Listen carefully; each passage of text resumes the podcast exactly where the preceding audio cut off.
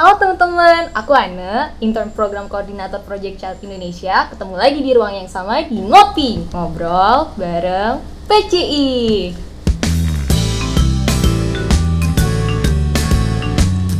Kali ini aku berkesempatan untuk nemenin teman-teman ngabisin waktu dengan ngobrol-ngobrol seru soal PCI Karena kita masih di masa pandemi kayak gini Di mana pun kalian dengerin aku Jangan bosen-bosen jaga kesehatan untuk kita dan orang-orang sekitar ya Semoga selalu sehat Nah, ngopi di episode kali ini akan ada tamu-tamu spesial loh buat ngobrol dan sama-sama merayakan Hari Toleransi Internasional. Tapi sebelum kenalan sama mereka, aku mau cerita sedikit nih gimana Hari Toleransi Internasional ini bisa kita rayain bareng-bareng sekarang. Teman-teman tahu nggak sih kalau semenjak tahun 95, UNESCO telah menobatkan tanggal 16 November ini sebagai Hari Toleransi Internasional loh. Kenapa? Karena hal ini bertujuan untuk menghormati hak asasi manusia secara universal. Karena siapa pun mempunyai hak yang sama. Nah, perayaan Hari Toleransi ini diambil dari tanggal kelahiran Mahatma Gandhi yang menjunjung tinggi perdamaian juga kasih sayang. Jadi, Harapannya, teman-teman bisa ikut merayakan hari toleransi ini dengan mengesampingkan judgement-judgement benar atau salah itu dan sama-sama mengedepankan kasih sayang untuk berdamai dengan perbedaan. Indah banget ya harapannya ya, suka banget deh sama kayak gini nih. Semua orang bisa berdamai, menerima, atau bahkan bisa mencintai perbedaan demi dunia yang lebih menyenangkan ya kan. Soalnya yang untung kita juga gitu kalau misalkan semuanya peaceful. Nah, ngomong-ngomong soal mencintai perbedaan dalam merayakan keberagaman untuk anak Indonesia, PCI juga ikut merayakan Hari Toleransi Internasional bareng adik-adik sekolah sungai dalam proyek The Child Ambassador for Tolerance. Nih, teman-teman, proyek ini bekerja sama dengan William Sonoma Indonesia untuk adik-adik sekolah sungai supaya lebih memahami makna sebagai manusia lewat pembinaan toleransi. Nah, gimana keseruan di project ini? Aku akan sharing ke teman-teman bareng tiga orang istimewa. Langsung aja ya, orang spesial yang pertama ada Kak Anjani sebagai Program Manager Project Child Indonesia. Halo semuanya. Halo Kak. Dan yang kedua ada Kak Permadi sebagai Media dan IT Manager PCI. Dan yang terakhir ada Kak Benas sebagai volunteer sekaligus pembina adik-adik sekolah Sungai Code PCI. Halo semua. Halo juga kakak-kakak semuanya, apa kabar? Sehat, sehat, sehat. Sehat lah ya, selalu sehat. Semoga kita selalu sehat juga di pandemi kayak gini. Sekarang aku mau tanya-tanya dulu nih ke Kak Anjani. Nah, buat teman-teman yang belum tahu, bulan September sampai Oktober kemarin, PCI ngadain Project The Child Ambassador for Tolerance. Sebenarnya project ini tuh apa sih, Kak? uh, Project The Child Ambassador for Tolerance ya. Nah itu adalah salah satu kegiatan yang diadakan oleh Project Child. Jadi itu kegiatan pembinaan duta toleransi, lokasinya di tiga sekolah sungai, baik di Code, Winongo maupun Gajah Wong. Kegiatan itu kita lakukan selama empat uh, minggu pertemuan gitu ya ada hmm. kelas mentoring gitu kemudian uh, yang apa namanya mendampingi anak-anak di sekolah sungai itu adalah kakak-kakak uh, relawan jadi relawan itu sebagai fasilitator gitu hmm, jadi para relawan fasilitator ini ngajarin adik-adiknya soal toleransi gitu ya kayak ya? iya bener banget hmm. apakah kalau menjadi relawan itu harus yang biasanya udah ngajar anak kecil dari dulu gitu? Uh, enggak juga sih, uh, karena menurut kita semua orang itu bisa uh, apa namanya berkontribusi berkontribusi baik ya gitu, hmm. uh, terutama buat anak-anak gitu. Jadi memang uh, semua orang bisa, yang penting mereka punya kemauan, keinginan, niat yang baik untuk hmm. berkontribusi gitu. Karena memang sebelum kegiatan pun uh, kakak-kakak relawan itu juga mengikuti ini kak, ada trainingnya gitu. Oh gitu, uh, jadi nggak mesti nggak mesti dari dulu udah harus bisa ngajarin anak kecil dong ya. Uh, mereka tuh ikut training dulu. Jadi trainingnya itu kemarin kita sama salah satu dosen hubungan internasional UGM tuh namanya Bu uh, Dia Kusuma Ningrum. Nah, jadi um, memang kakak dibina dulu, uh, dibekali ilmu yang um, mumpuni gitu sampai hmm. akhirnya kita uh, menerjunkan kakak ke lapangan untuk oh. mendampingi adik-adik. Wah, seru banget ya, Kak. Hmm. Nah tapi pertanyaanku kan sekarang situasi dan kondisinya ini lagi nggak mendukung gitu gara-gara pandemi kalau misalkan suasana kampanye kemarin sekaligus perayaan Hari Toleransi Internasional tahun ini tuh gimana rasanya sih kak?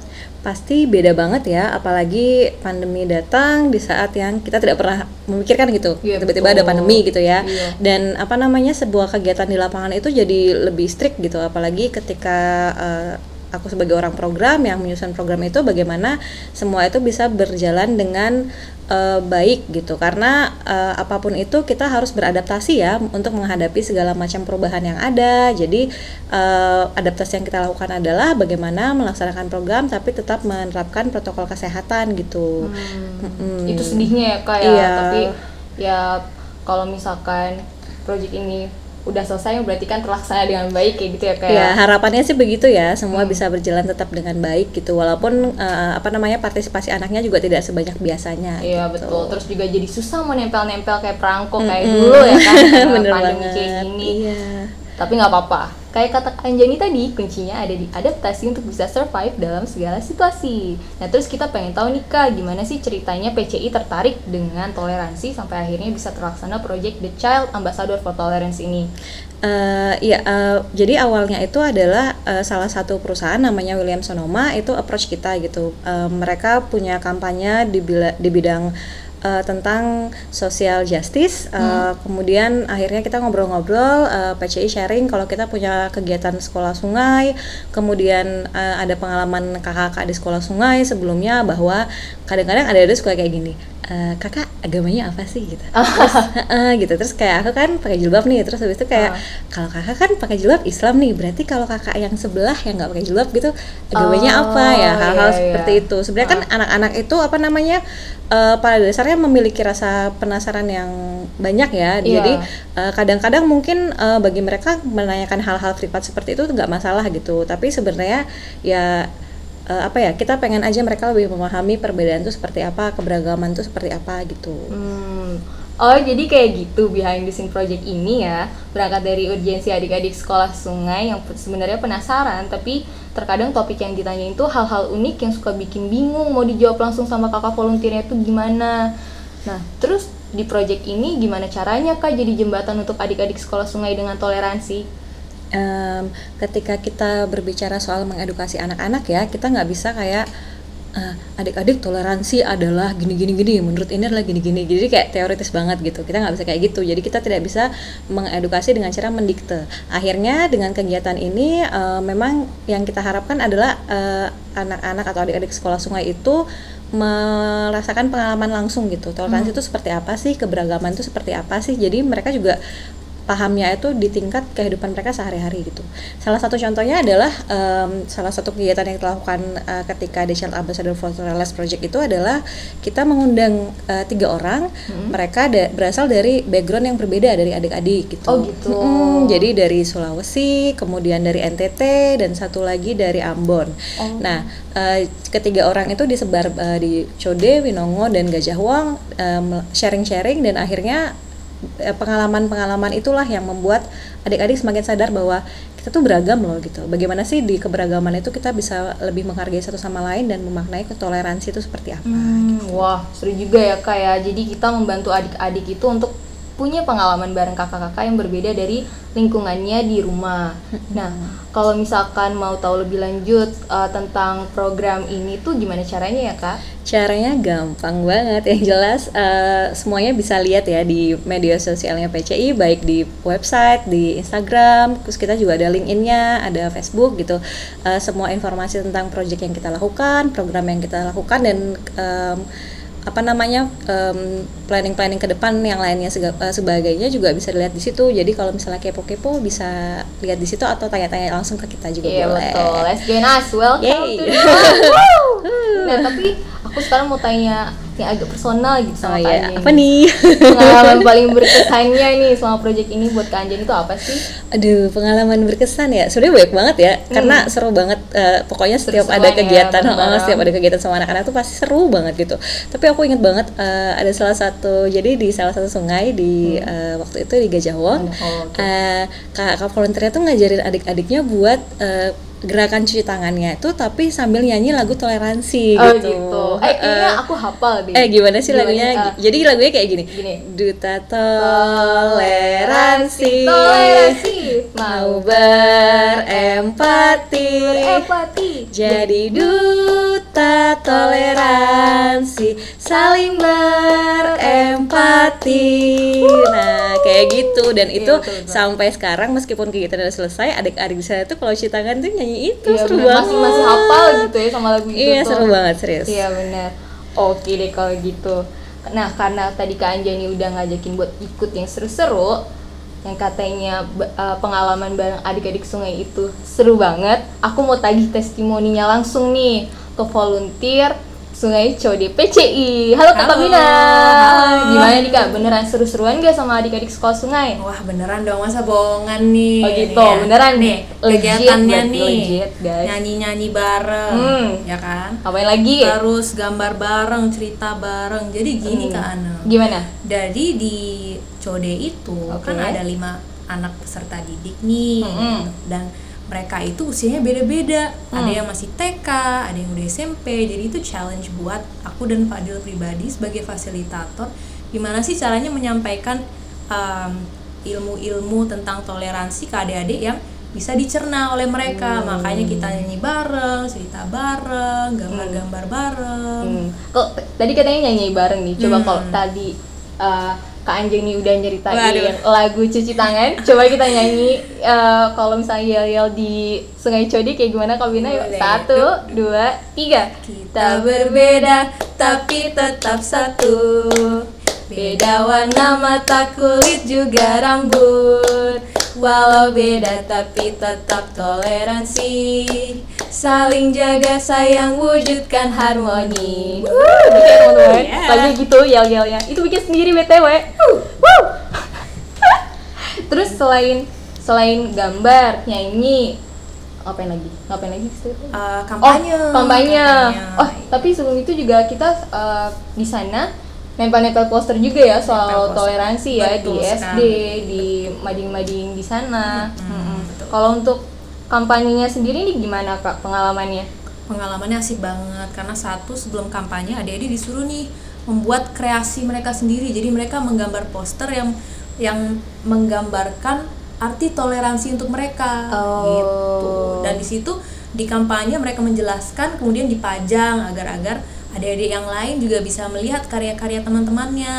Hmm, nah tapi eh, karena lagi pandemi kayak gini nih kak, Mm-mm. untuk kampanyenya sama yang biasa di kelas tuh apakah ada perbedaannya atau gimana? Yang pasti ada banget ya perbedaannya karena kita dibantu oleh William Sonama juga. Mm-mm. Jadi dari face shield, face eh, face shield, face mask, Di skincare, Uh-uh. masker. masker. Ah, sebelum kegiatan kita cuci tangan, Oke. ya kan? Huh? Kita cek dulu suhunya apakah ah, normal gitu. Iya gitu. Sama cuci tangan ya. Cuci tangan, Uh-uh, yes. sanitizer juga disediain ya Jangan di lupa apa? social distancing. Oh iya Oke. benar. Jadi kalau misalkan tiap kelas tuh eh, kabinnya biasanya naro naro ini ya, naro kertas buat social dis- tanda, ya ah, buat tanda itu. Duduk Jadi- ini deh di sini. Oh, oh, gitu. jadi tetap terjaga kesehatannya. pastinya. Mm-mm. Kalau tadi kakak Anjani itu sharing kesan pesannya secara personal, ya kan? Iya. Gimana pengalaman dia di sekolah sungai? Aku sekarang mau nanya kakak Bena nih. Kalau buat kakak Bena ini pengalaman berkesannya itu apa? Oh, pengalaman berkesannya itu pas bersama adik-adik. Jadi semangat mereka untuk belajar dan lain sebagainya. Tapi kalau aku tuh sebenarnya passionate banget soal teaching. Jadi Oh, aku gitu. suka banget berada sama mereka, belajar bareng mereka. Mm-mm. Tapi hal yang paling aku syukurin sih, Mm. kan sebelumnya kita training dulu nih bersama ya. Budia. Iya, betul, Kebetulan sama Dokter Dia. Mm-mm. beliau itu dosen saya dulu pas kuliah. Oh, gitu. Hmm. Dan beliau mengajar uh, apa mata kuliah peace studies gitu. Jadi Mm-mm. studi perdamaian dan di situ aku senangnya bisa mengamalkan ilmu yang dikasih oleh beliau ke adik-adik nih. Itu Hmm, serunya. Jadi ilmunya juga kepake banget ya buat Betul adik-adik banget kakak. Mm-mm. Tapi sejujurnya aku juga pengennya jadi volunteer gitu kayak kakak Bena gitu kan Hmm. yang ngasih materi langsung Hmm. ke adik-adiknya. Nah kalau tadi Kak Anjani jadi jembatan adik-adik SS dengan toleransi ya kan terus kakak Bena jadi uh, gurunya yang biasa ngajarin toleransi. Sekarang aku mau tanya-tanya nih ke pintunya PCI buat uh, uh, dari buat jadi volunteer di sini supaya kakak-kakak bisa ketemu sama adik-adik sekolah sungai. Gimana nih Kakak Permadi? Kalau dari sisi media?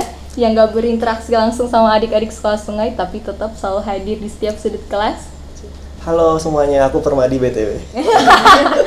Oke, Oh. Eh, Oke, kalau untuk perbedaannya sih ya, em, mungkin lebih ke ininya sih kak, lebih ke jumlah volunteernya kak ya. Hmm. Karena memang sebelum pandemi kan volunteernya tuh banyak banget ya, pada minta foto-foto gitu kan. Oh iya. Terus habis itu kalau sekarang semenjak pandemi ya, akhirnya volunteernya tidak sebanyak yang dulu gitu loh. Jadi kayak ya Ada, Ada. penurunan. Iya, eh, tapi ya it's okay lah nggak apa-apa namanya juga keadaan ya kak ya kita mau gimana lagi. Terus juga kan kita juga ini kak kita juga sering ngingatin ke adik-adiknya juga untuk tetap jaga jarak ya kak ya. Hmm. Karena kan untuk didokumentasikan dan dipublikasikan di sosial media PCI juga. Hmm. Dan biasanya adik-adiknya tuh gampang banget tuh pengen nempel-nempel sama kakak-kakaknya, Oh iya, pengen meluk tangan, meluk Ya, kaki. tapi nggak bisa ya Iya, tapi nggak bisa. gara-gara pandemi. Eh, ditunda dulu ya meluk-meluknya. Iya, ya.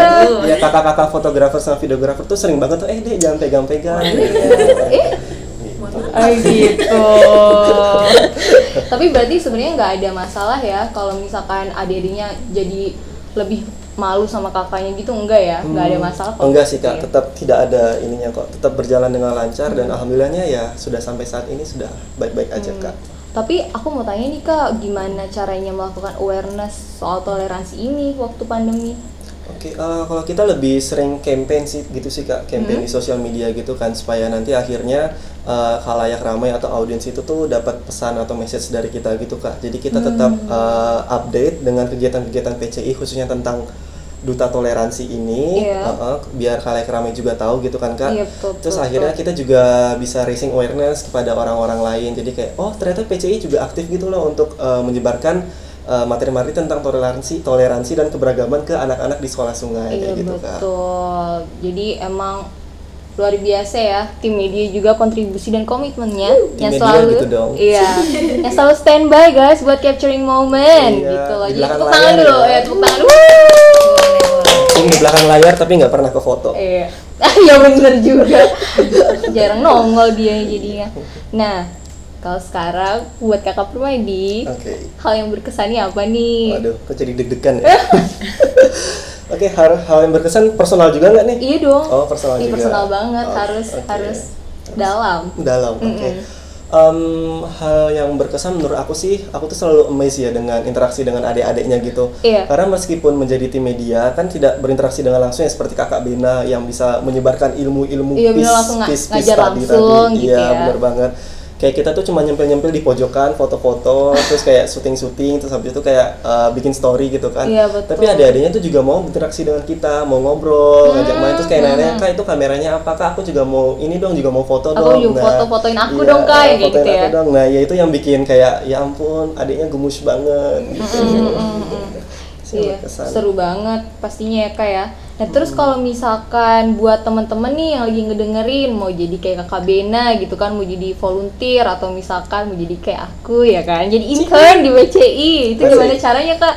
Caranya gampang banget. Kakak-kakak tinggal mampir ke website Project Child di projectchild.ngo terus mampir ke tab yang become volunteer atau join internship. Nah, di situ nanti akan ada syarat-syarat serta ketentuannya nih Kak untuk mendaftar menjadi intern atau volunteer. Tapi diingat ya Kak, kita hanya buka setiap batch. Biasanya batch itu awal tahun atau pertengahan tahun. Nah, caranya biar uh, tetap uh, up to date ya silahkan main-main ke website kita sama dicek terus sosial media kita karena nanti kita akan update informasinya di situ gitu Nah, Kak. kayak gitu ya. Jadi teman-teman Iya. kalau misalnya mau eh, join the club, silahkan mengunjungi website, eh, dilihat syarat dan ketentuannya. Iya. Tapi kalau misalkan teman-teman yang lain mau ikut berkontribusi, ada cara yang lain nggak sih kak? Pas banget nih, kita kebetulan lagi buka donasi di kitabisa.com dan linknya itu ada kitabisa.com slash campaign slash bantu belajar SS. Nah, kita tuh lagi donasi ini kak, donasi untuk bantuan belajar adik-adik di sekolah sungai karena kan terkena efek pandemi ya. Iya, betul. Jadi kayak adik-adik itu susah untuk belajar, apalagi eh, ada dua masalah nih utamanya.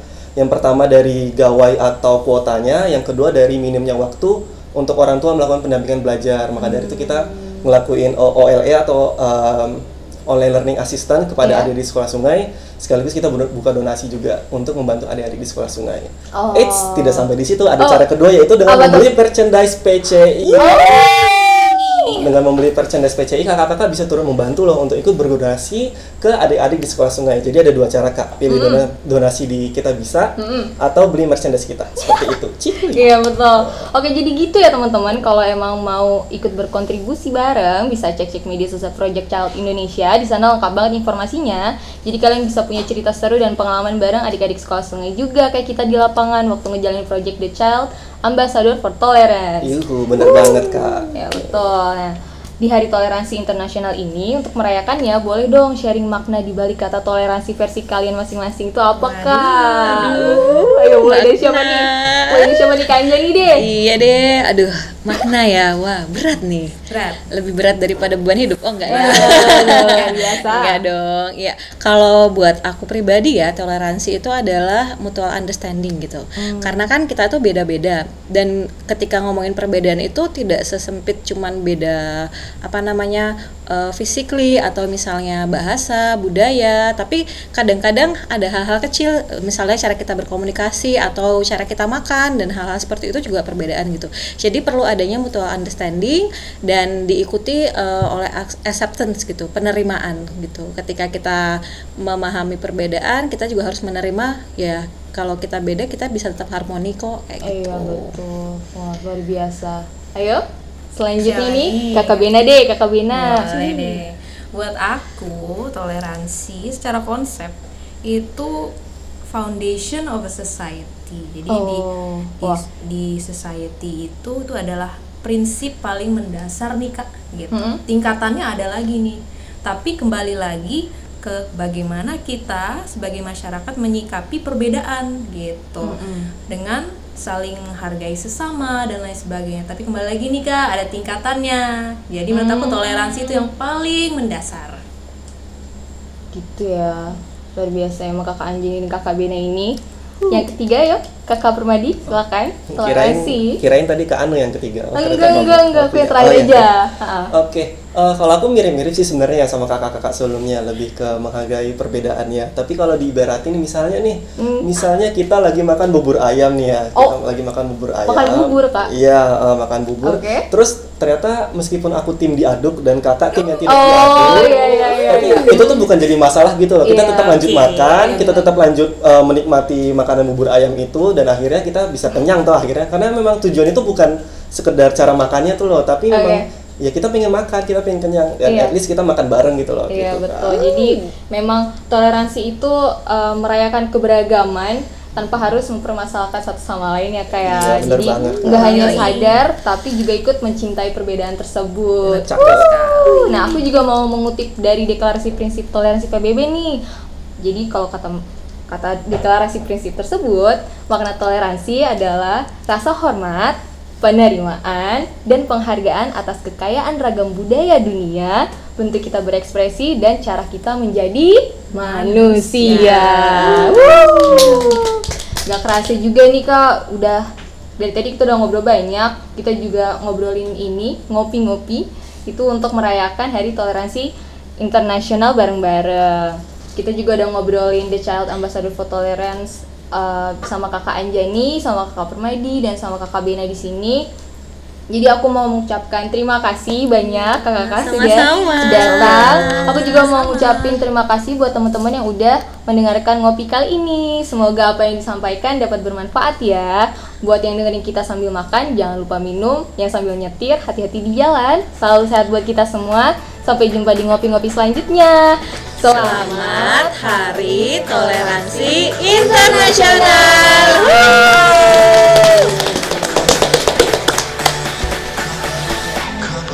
れ